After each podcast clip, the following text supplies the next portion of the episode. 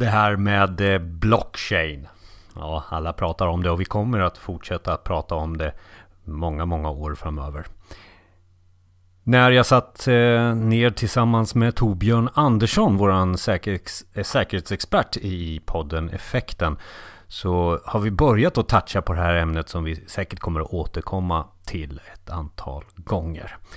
Just det här med blockchain och få människor eller individer att göra transaktioner emellan varandra utan någon central eh, organisation.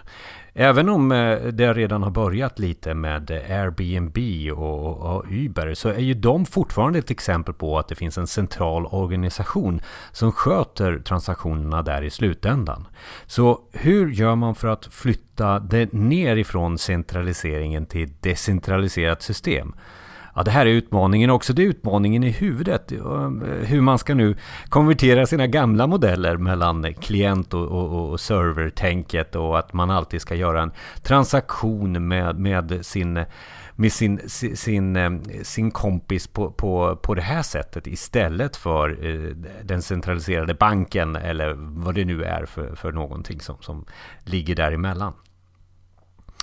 Eh, och den här utmaningen, ja den kommer ju finnas med oss eh, lång tid framöver. Vi har ju bara sett en del utav det, till exempel med hjälp utav eh, valutan. En av de elektroniska valutorna som finns, eh, bitcoin då.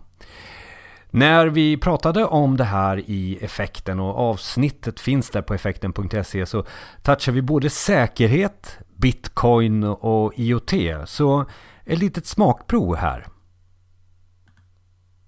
Men, men jag läser ju också en del om säkerhet och blockchain. Eh, mm. Så hur kan säkerhet och säkerhetslösningar använda blockchain då?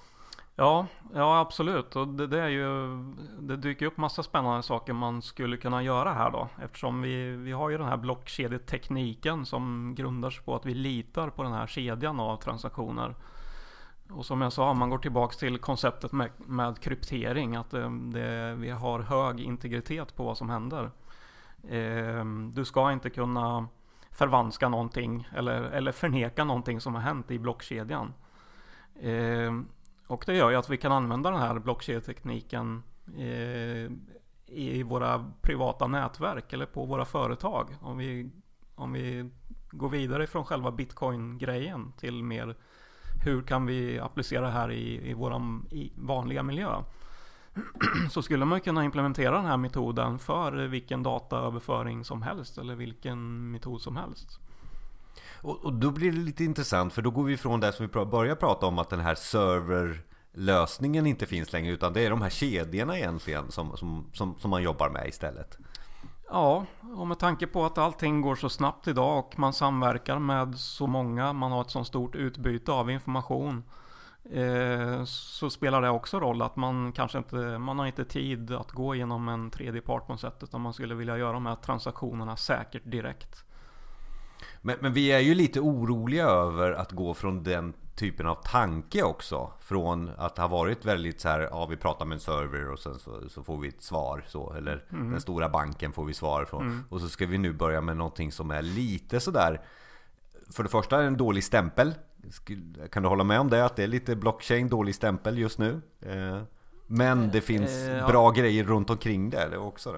Ja, ja, det är väl just bitcoin då, man, som kanske i början här förknippades mycket då med kriminell aktivitet. Eftersom det användes då för att utnyttja att man ändå kan vara ganska anonym eh, när man handlar med den här valutan eller med de pengarna. Mm. Så, så därav mm. så, så blev det ju känt liksom på det spåret.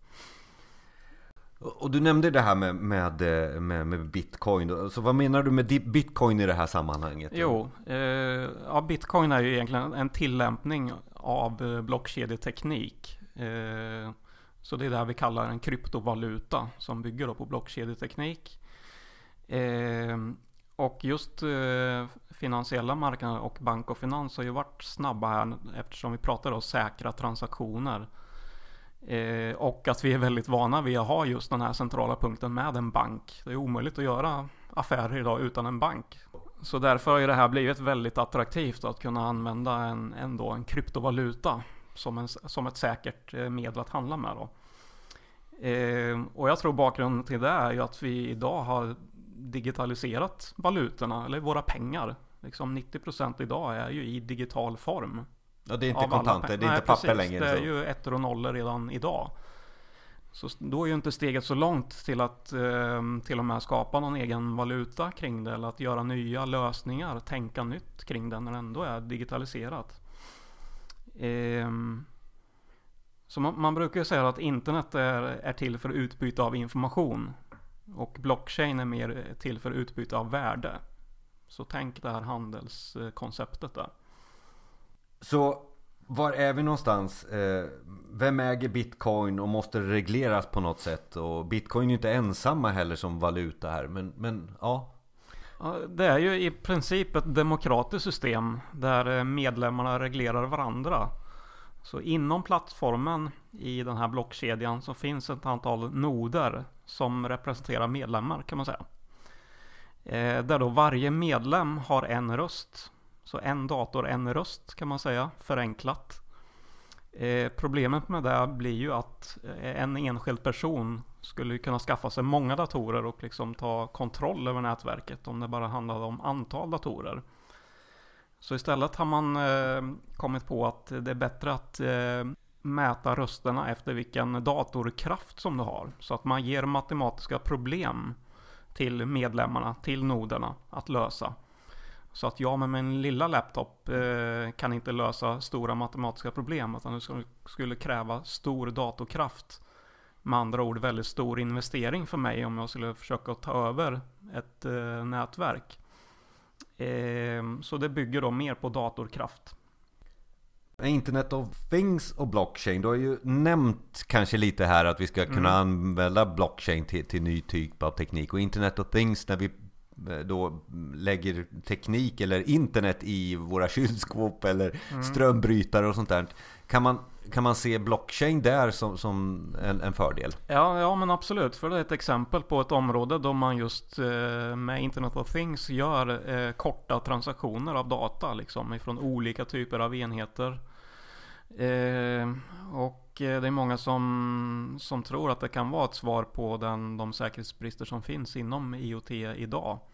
I och med att det är just oftast en decentraliserad metod. Vi har, våra, vi har ingen riktigt central managering kanske av våra IoT-enheter utan vi förlitar oss på att de ska kunna kommunicera enhet till enhet på ett säkert sätt. Om Samsung satsar på Internet of Things i sina kylskåp så kanske inte det är deras primära business att gå på säkerhet där. Mm. Eh, och likadant med någon strömbrytare som, som, Det är liksom jobbigt att sätta igång ett serverförfarande ja, där. Eh, ja, absolut. Eh, och det är då du menar att ett, ett recept kan vara att börja tänka blockchain i, i säkerhetsaspekten runt det här? Eh, ja, det är en del och det här gör man ju på, det här är ju på mjukvarunivå. Men som du säger, det finns många säkerhetsaspekter när det gäller IoT som sådant liksom. Vi har ju hela det här med bristen på standardisering idag kring IoT. Eh, nu håller man ju på att jobba med det. Alltså alla, finns väldigt många forum kring det och eh, vi kommer säkert se en del eh, eh en del säkerhetsramverk kring IoT med. Men liksom eh, som du säger innan det har tagit plats och man, man, man har inte idag liksom en kontroll på livscykelhanteringen av de här enheterna utan Speciellt inte det som riktar sig mot konsumentmarknaden utan då är man ju mer intresserad av att få ut det till konsumenten och kunna använda det så kommer tyvärr säkerheten där i andra hand. Ja, jag går ju till mig själv och jag tror att frågorna som jag ställer till det baseras lite på självinlärt då att man köper väldigt mycket funktion just nu. Bara wow, nu är det rullgardiner och, och, det är strömbrytare och det är musik som spelas i smarta högtalare och sådär. Mm. Eh, och det är helt fantastiskt. Mm. Eh, man går på den, det steget först. Sen så kanske man börjar fundera på kan det vara någon som hackar mitt kylskåp? eller kan det någon som överbelastar min strömbrytare så det börjar brinna? Eh, Ja precis, det kan utnyttjas av någon annan i, så att du blir indirekt drabbad. Och det, det var ju där vi såg mycket med det, de kända grejerna som hände 2016 i våra just riktade, nej, riktade attack mot IoT-enheter. Då man använde då IoT-enheter som en del av en DDoS-attack till någonting annat. Man kapade sådana enheter.